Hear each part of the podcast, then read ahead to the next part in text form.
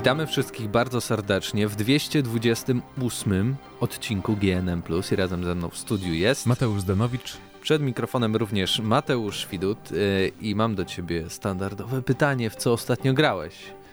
Mm, a ja dosyć niestandardowo, bo zawsze chyba odpowiadam jakieś tam No gierkach. zawsze co najmniej dwie, trzy gry. A teraz nie bardzo, nie bardzo. Grałem w Dragon Questa na 3DS-ie, już mówiłem w zeszłym tygodniu. E, A poza tym, poza tym nic, nic z nowości tak naprawdę, niestety. Yy, byłeś na pokazie Sniper... Tak, Może możesz byłem, już mo możesz. Nie mogę, nie mogę. ale ten odcinek już pojawi się 18. Embargo jutro jest 18. A mogę jeszcze, mogę jeszcze sprawdzić. Czwartek. Póki No co, będziesz, będziesz kasować teraz, to w czwartek jest, bo wiem przecież, w czwartek puszczam materiały.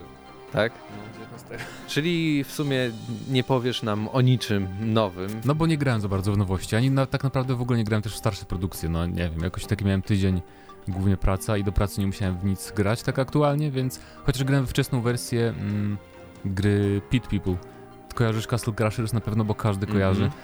No, To ci goście później zrobili Battle Block, Thea- Battle Block e, Theater, taką platformówkę mm, z bardzo fajnym narratorem i teraz oni zrobili e, strategię turową, która jest taka bardzo, bardzo przystępna wydaje mi się, bo ona jest w ogóle stworzona z myślą o kooperacji dwóch graczy. E, mm, To jest coś jak XCOM, że masz plansze podzielone na pola, na pola, ale wszystko rozgrywa się w takim strasznie kolorowym świecie, w stylu właśnie tego studia od Castle Crashers.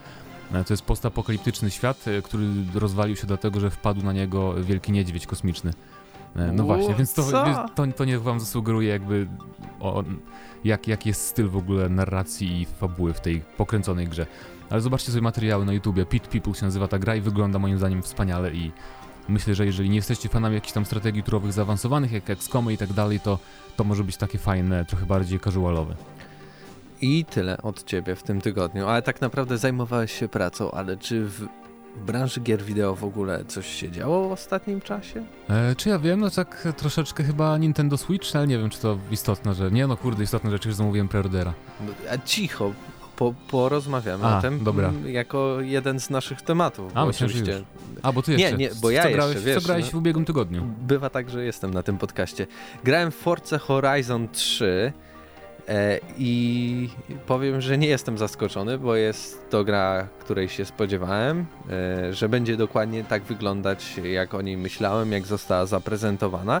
Jestem też zaskoczony jedną rzeczą, jak ta gra wygląda, bo wydawało mi się, że mimo to, że będą ładne tekstury, ładna rozdzielczość i ładne modele samochodów, to jednak na przykład anti-aliasing, czyli wygładzanie krawędzi, będzie tak jak w innych grach konsolowych, czyli tak ledwo co, takie ciup-ciup. A grasz okazało- na konsoli, tak? Na Xbox One. Na a... Xbox One, a okazało się na Xbox One S, bo czasem to podobno ma jakieś znaczenie, że ta gra wygląda przepięknie i ma wygładzanie krawędzi i jeździ się świetnie.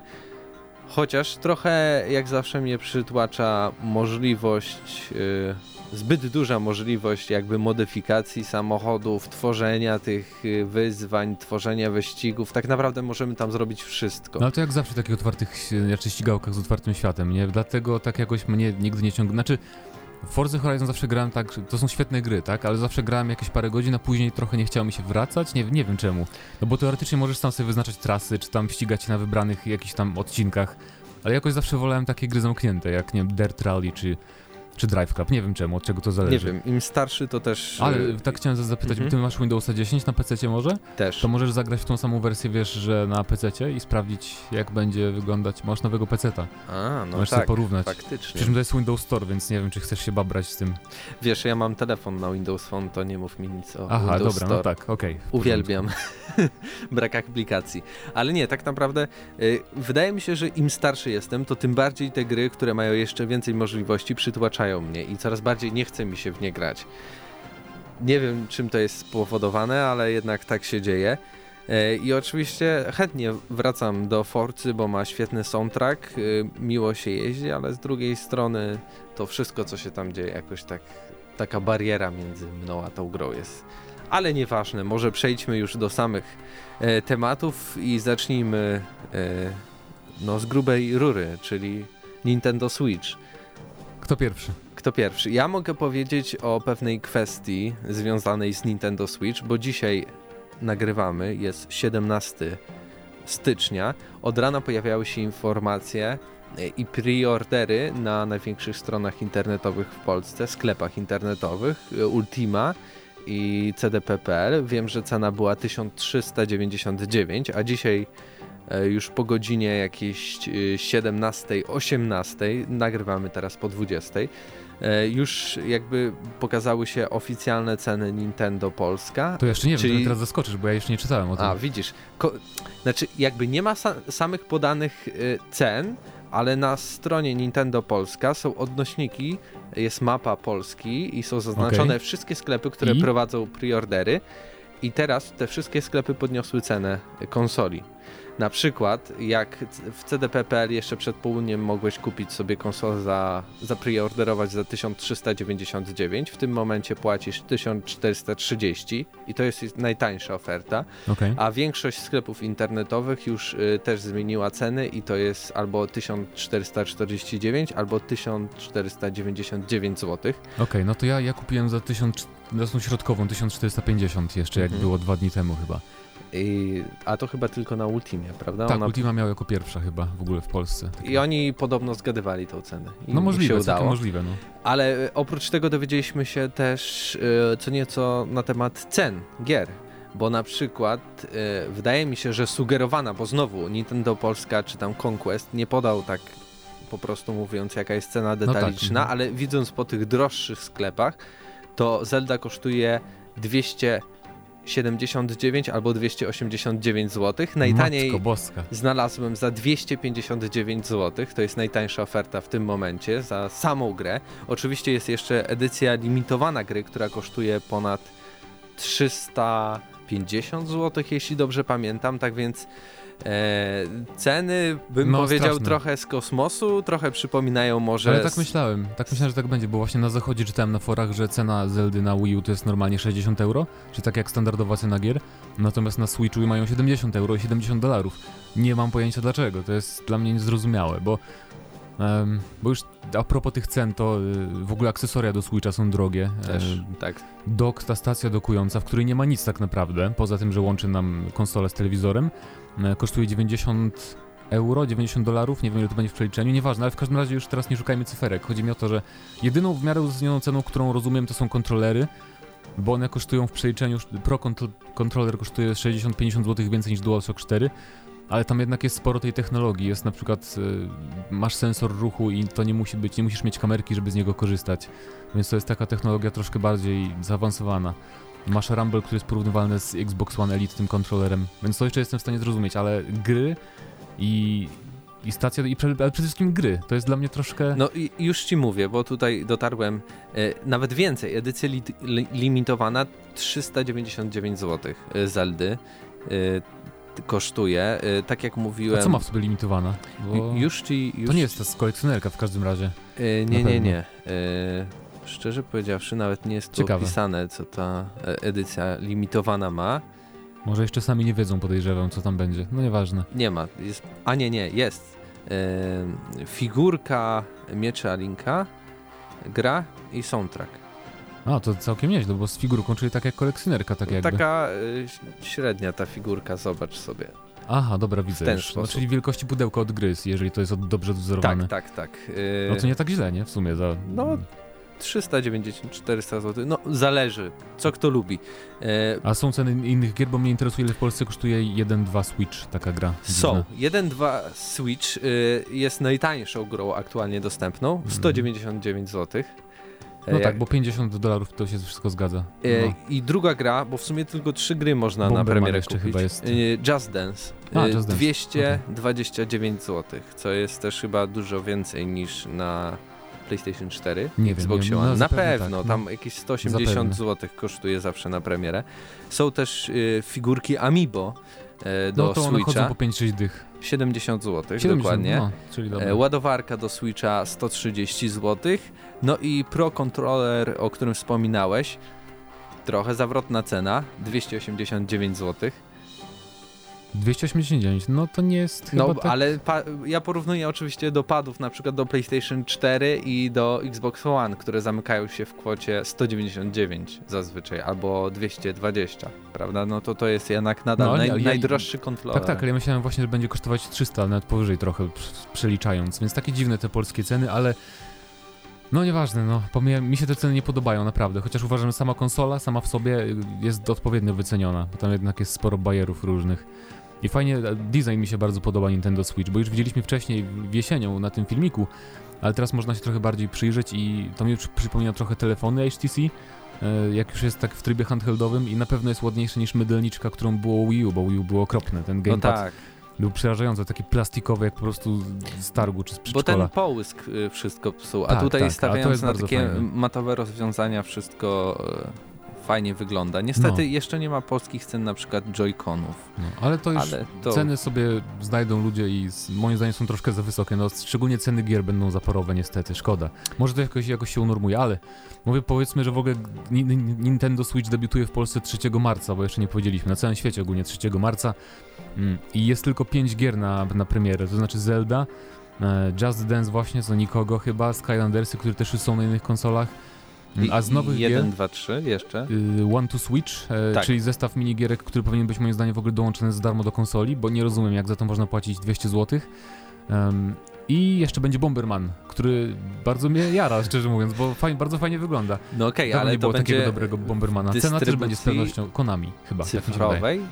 E, Nie wiem, nie wiem, chyba będzie A nie, też w nie, no nie, bo nie, nie będzie online do, do jesieni, prawda? Mm, Póki Będzie co. online, tylko nie będzie płatnego online. A, w ten tak sposób. to działa, tak. Ale w każdym razie e, Super Bo- Bomberman Air boda, bodajże to się nazywa i to jest taki powrót trochę do korzeni, tylko w troszkę nowocześniejszej stylistyce i można grać nawet w 8 graczy na jednej konsoli, jak mamy pady. To wiesz, była już taka gra i zrobili ją ludzie z Polski. Wiem, wiem, no ale to jest Bomberman i, i oglądałem streamy i mi się bardzo podoba. Chociaż też mam nadzieję, że będzie wyceniony jakoś rozsądnie, bo to Konami wycenia. Więc może nie zaszaleją jak Nintendo. E, w każdym razie szybko odczucia a propos konsoli. Odczucia całej reszty GNM możecie sobie posłuchać na audycji, której jest już zapis pewnie na stronie. Natomiast ja powiem, że rozczarowaniem jest na pewno line-up na start, bo tak naprawdę gdybym miał jeszcze Wii U, to nie brałbym Switcha, bo miałbym Zeldę na Wii U, a z tego co widziałem różnice w grafice są minimalne, A różnica w cenie to jakieś 100 zł. a różnica w podobno. cenie właśnie to jest bardzo duża, bo jest prawie 100 180 zł. podobno jest pre-order, 189 na Wii U. No właśnie, Tak więc, więc- więc trochę, trochę słabo i ym, jeżeli mówię, jeżeli, A jeżeli gra nie będzie jeszcze... wyglądała lepiej, dużo No właśnie, no, przynajmniej. no. Chociaż oczywiście zaletą Switcha i to jest też y, jakby plus, te- chociaż zacznę od negatywów, nieważne, już się skupię na tym. Tak jak już powiedziałem, gry na premierę to jest... Nintendo nigdy nie miało tak mało gier, gier na premierę. Tu sięgamy czasów Nintendo 64, kiedy mieli, mieli dwie, dwie gry w USA. Ale zawsze premierę. mają Mario. Co się stało? E, znaczy akurat na Mario to nieważne, albo mają Mario, albo mają Zeldę zawsze i teraz spełniają jeden z tych warunków, ale chodzi mi o to, że nie ma takich gier towarzyszących, trochę mniejszych, na przykład jest za mało moim zdaniem, takich bardziej imprezowo jakiś tam, chociaż później w kwietniu mamy niby te ARMS, które też wygląda całkiem spoko, co ciekawe ludzie mówią, to jest bijatyka, w której walczymy wojownikami, które, których ręce rozciągają się pięści na cały, na długość całego ringu, całkiem ciekawa sprawa. E, Później będzie też Mario Kart Deluxe, Sport z Wii U. Nie wiem, czy to zaciekawi posiadaczy już znowu Wii U, bo nie będzie tam praktycznie nic nowego poza trybem Battle Arena. Em, jeszcze z negatywów w sumie tylko line-up mnie rozczarowuje ceny akcesoriów niektórych, tak jak już powiedziałem. Natomiast ja kupuję Switcha bardziej przyszłościowo i też uświadomiłem sobie teraz właśnie niedawno, że to będzie najfajniejszy handheld, jaki mieliśmy, nie pod względem oprawy. Ja wiem, że to może drob drobnostka dla niektórych. też była fajna. E, no jasne, jasne, ale nieważne. Już nie chodzi mi o tam, jak to się sprzeda, tylko że będę mógł zabrać sobie grę, która wygląda tak jak Mario Kart 8 właśnie w 60 klatkach i wiesz, grać sobie w pociągu do Ale Warszawy ja czy coś. też nie, nie mówię o sprzedaży, bo kiedy Vita wychodziła, mieliśmy jeszcze PlayStation 3 i to tak jakbyś zabierał duże gry z PlayStation 3 na Vita, bo to była porównywalna jakby moc. No ale nie miałeś tych samych gier jednak, nie? Nie, nie masz tak, że sejwujesz sobie, potem grasz, wiesz, wiesz co mi chodzi. To jest, tro- to jest trochę takie jak... ja wiem, że to jest zupełnie nowe rozwinięta, ide, rozwinięta idea rem- Remote Play z PS4 i Vita bardziej, tylko że możesz grać wszędzie, bo konsola jest ekranem jakby. Ale Mnie kusi ta konsola, żeby ją kupić, ale Ale tylko dlatego, że jestem geekiem takim, że fajnie mieć nowy sprzęt, ale tak naprawdę w co ja będę grał? Zelda mi się nie podoba. To tak No naprawdę właśnie. dla 1.2 Switch nie kupię tej gry, ani dla Bombermana, no proszę cię. Tak więc, no, Myślę, że dla takich Ty- właśnie ludzi, którzy nie jarają się Zeldą, to oni muszą poczekać na E3. No bo niestety Nintendo sobie zostawiło na E3 jakieś zapowiedzi, podejrzewam. Mm, a tak naprawdę okres świąteczny chyba będzie dobrym takim e, momentem do zastanawiania się nad zakupem, bo będzie Mario wychodził, Super Mario Odyssey, który wygląda świetnie.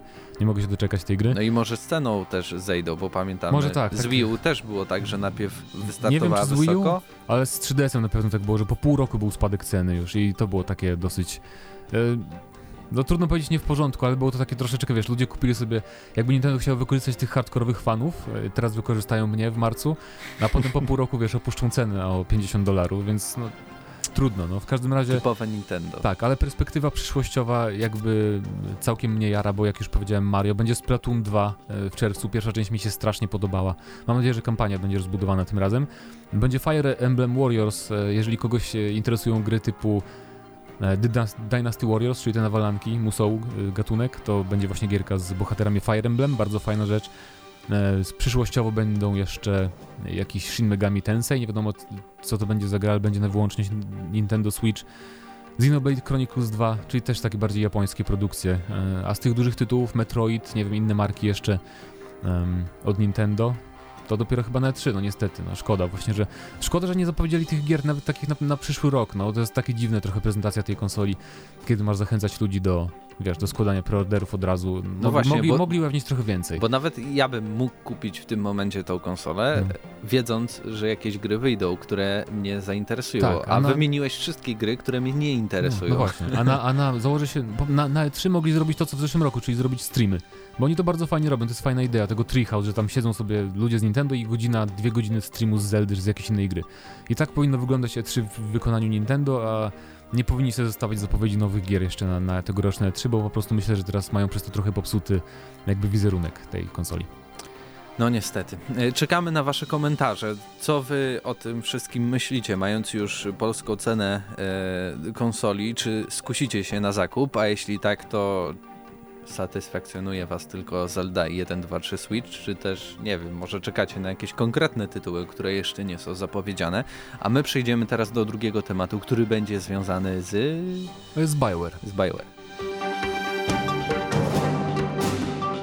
Odnośnie BioWare porozmawiamy o dwóch markach, o Dragon Age'u i Mass Effectie i zaczniemy od drobniejszej trochę informacji, e, ponieważ dowiedzieliśmy się, że w Mass Effect Andromeda będzie możliwość zbudowania własnych broni e, w systemie craftingu, więc troszeczkę było coś takiego w Dragon Age Inquisicji, e, tworzenie własnych broni, przy czym twórcy się zarzekają tutaj, że to, to będzie na pewno inaczej zupełnie. Za- Zauważam, że oni za każdym razem tak strasznie boją się tych porównań z Inkwizycją, która w sumie bardzo wielu graczom się podobała, więc nie wiem, czemu oni tak się tym przejmują. No nie wiem, może słuchają naszego podcastu. Może, może, nieważne, ale w każdym razie e, główny projektant właśnie ujawnił, że e, funkcja konstrukcji wyposażenia doty dotyczy też, co ciekawe, broni do walki wręcz, bo okazuje się, nie wiedziałem o tym, nie, nie wiem czy jest nowość, ale właśnie, że w tym nowym Mass Effectie nie tylko już będzie Omni ostrze jako ta broń do walki wręcz, ale będziemy też tworzyć na przykład młoty, e, będzie, jest na screenie ujawnionym Kroganin z młotem bojowym, więc fajnie, że będzie taka jakby dodatkowa opcja. Podejrzewam, że walka wręcz może być ciekawsza w tym Mass Effectie. W sumie fajnie, bo większa różnorodność w trakcie walki, więc jak najbardziej jestem na plus. E, I sprzęt do walki wręcz zajmuje własny slot w ekwipunku, więc no, będzie pewnie dużo wykorzystywany tego typu oręż. A przy okazji chciałem się ciebie zapytać, e, czy widziałeś ten e, fragment rozgrywki z prezentacji GeForce'a? E, Ale to już dawno temu, tak? Dwa tygodnie, czy jakoś tydzień temu? E, Z targów Tak, CES, tak? tylko O chyba chodzi. o tym w ogóle nie rozmawialiśmy, bo jakby to mały news, ale no przy No, okazji możemy widziałem. połączyć. No, widziałem i e, podoba mi się graficznie, ale to znowu nie był gameplay. To jest mój problem, że e, jest dwa, dwa miesiące mamy do premiery? No tak, bo już jest prawie 20 stycznia, więc e, a nie mieliśmy tak naprawdę ani razu gameplayu, takiego wiesz, że interfejs, że normalna rozgrywka, że ktoś siedzi i gra i my to widzimy, tylko mieliśmy trailery same. I trochę szkoda i chciałbym już zobaczyć jak ta gra wygląda w akcji. Mam Znaczy, nadzieję, że... mieliśmy ten, game, ten game, gameplay e, z e, tych e, The Video Awards. No tak, ale to było takie, to było No takie właśnie. technologiczne demo jak dla mnie, nie gameplay. To, to było tylko takie demo i, i, i Nawet towarzyszy wycięli. w którym tylko strzelaliśmy i tak dalej. To akurat jest najmniej interesujący mnie jakby aspekt każdego Mass Effecta. Ja stawiam właśnie na fabułę, na to jak prowadzone są rozmowy. I naprawdę, jeśli to ma być RPG, to mogliby zaprezentować jedną z misji pobocznych. Jeśli ta gra ma starczyć na kilkadziesiąt godzin, to chyba ich nie będzie bolało tak. zaprezentowanie nawet pół a godziny. Propos, a propos prezentowania RPG, sprawdźcie sobie ostatni zwiastun Torment Tides of Numenera, który Techland wypuścił, bo to jest interaktywny zwiastun, który pozwala wam przejść na YouTube jakby poboczną misję. Strasznie fajna rzecz, mi się podoba jak oni to zrobili. Taka propos promowania RPGów. Polecamy. E, ale... E, jeśli jesteśmy już przy właśnie temacie mm, BioWare'u i Mass Effecta, to mamy też drugi temat, który połączymy zarazem z tym pierwszym i chyba dzisiaj skończymy tylko właśnie na Nintendo i BioWare'ze. E, a mianowicie, tak jak wspomniałeś na samym początku, BioWare e, e, wytłumaczyło i ujawniło swoje powody związane ze skasowaniem dodatku do Dragon Age'a dwójki, bo w 2000... Ciekaw jestem, bo jakieś tam DLC wyszły, więc tak, tak, ale kolejne. w 2012 roku e, twórcy Y, zapowiedzieli taki trochę większy dodatek y, o nazwie Excited y, March. DLC miało się pokazać w najbliższej przyszłości, no ale jak wiemy nie pokazało się. I co ciekawe, jakby powodem tego, że nie zostało stworzone, nie jest to, że na przykład Dragon Age 2 otrzymywał niskie oceny i gracze go hejtowali. Mi się podobało. No ja wiem, że tobie się podobało i mi też w pewnym sensie jako e, nastawienie głównie na fabułę i taki bardziej filmowy aspekt e, to Dragon Age przypadł do gustu, ale tu, co ciekawe, rozszerzenie porzucono, ponieważ twórcy chcieli się skupić na produkcji silnika Frostbite. I w sumie tak nawiązując do tego tytułu Exalted, March, jak to się nazywa, jakiś marsz, to mi się kojarzy z jakąś pielgrzymką, co mi się z kolei kojarzy z Inkwizycją, bo tam była taka scena marszu. Ciekawe, czy po prostu nie wycięli tego DLC, żeby to włożyć jakby już, w, żeby to było częścią Inkwizycji. Całkiem możliwe, ale a propos właśnie dodatków do Dragon Age'ów mi się nie podoba bardzo to, co BioWare robi ostatnio, bo zarówno do dwójki było takie DLC, w którym został ujawniony główny przeciwnik z Dragon Age Inkwizycja. Nie wiem, czy grałeś w DLC do Dragon Age 2. W każdym razie było takie, że poznaliśmy tego Koryfeusza, czy jak, jak on tam się nazywał. I w Dragon Age Inkwizycja też ma DLC, w które nie zagrałem, bo nie przyszedłem Inkwizycji, ale muszę sobie obejrzeć na YouTubie, w którym tak naprawdę dostajemy prawdziwy koniec i wprowadzenie do Dragon Age'a trójki, czwórki. Więc to mi się trochę nie podoba, co oni robią. Chociaż jakby jak ukończysz te gry, to fajnie, masz całość, niby czujesz, że to jest wszystko... Mm, nie czujesz, że coś jest wycięte, ale szkoda, że potem jakby taka ważna, jakby wiesz, wprowadzenie tak naprawdę do, poprzed, do następnej części jest jako dodatek, a ale nie to jako wiesz, zakończenie. to w stylu BioWare'u, Mass Effect 3 i zakończenie, no tak, które wyszło prawda. w DLC, to to było coś podobnego. Ale tak jeszcze tłumacząc, bo zaraz ktoś mi zarzuci, że przecież BioWare nie tworzyło silnika DICE, to chodziło o e, rozwój tego silnika pod kątem e, Dragon Age'a trzeciego i Inkwizycji, na którym właśnie działa, e, którym jakby bazą jest właśnie Frostbite. Ale deweloper ujawnił zarys fabularny tego dodatku i tutaj właśnie akcja miała zostać osadzona po wydarzeniach z Dragon Age'a 2, tak jak ci się wydawało i oczywiście mieliśmy się wcielić w czempiona Hołka i naszym zadaniem miało być powstrzymanie Quanari, e, którzy zaczęli wzniecać zamieszki w różnych regionach wolnych marchi. W tym celu protagonista miał współpracować z miastem Starkhaven oraz piratami z armady no, to jakieś, to jakieś ambitne DLC było z nową lokacją, słyszę z miastem, ciekawe rzecz. Może po prostu było za duże. No nie wiem, trudno, trudno powiedzieć. W każdym razie to już tak e, odległa w przyszłości już, gra. Według e, twórców e, sa, samo, to, sama ta produkcja DLC została zakończona, zakończona na etapie jakby preprodukcji, więc e, raczej nic tutaj nie zrobili za wiele i wie, za wiele nie, nie stracili. Tak więc no, ciekawe. Nie spodziewałem się, że akurat chodziło o, o rozwój silnika, a jednak, a jednak to było powodem. Ja bym bardziej stawiał jednak na to, że ta, ta gra nie podoba się graczom, mimo wszystko. E, tak więc to był 228 odcinek GNM+. Czekamy na wasze komentarze, także związane z Dragon Age'em. Czy czekacie na czwórkę w ogóle, czy, czy trójkę, bo w sumie Inkwizycja nie była trójką, według nazwy. No ale, ale, ale była trójką, no nie no. oszukujmy się. Czy ktoś chciałby jeszcze zagrać w symulator farmy e, w średniowieczu? E, tak więc 228 odcinek GNM+. Szerujcie, komentujcie, lajkujcie albo dislajkujcie, też to bardzo lubimy. No a z wami byli Mateusz Danowicz i Mateusz Widut. Do usłyszenia za tydzień. Cześć.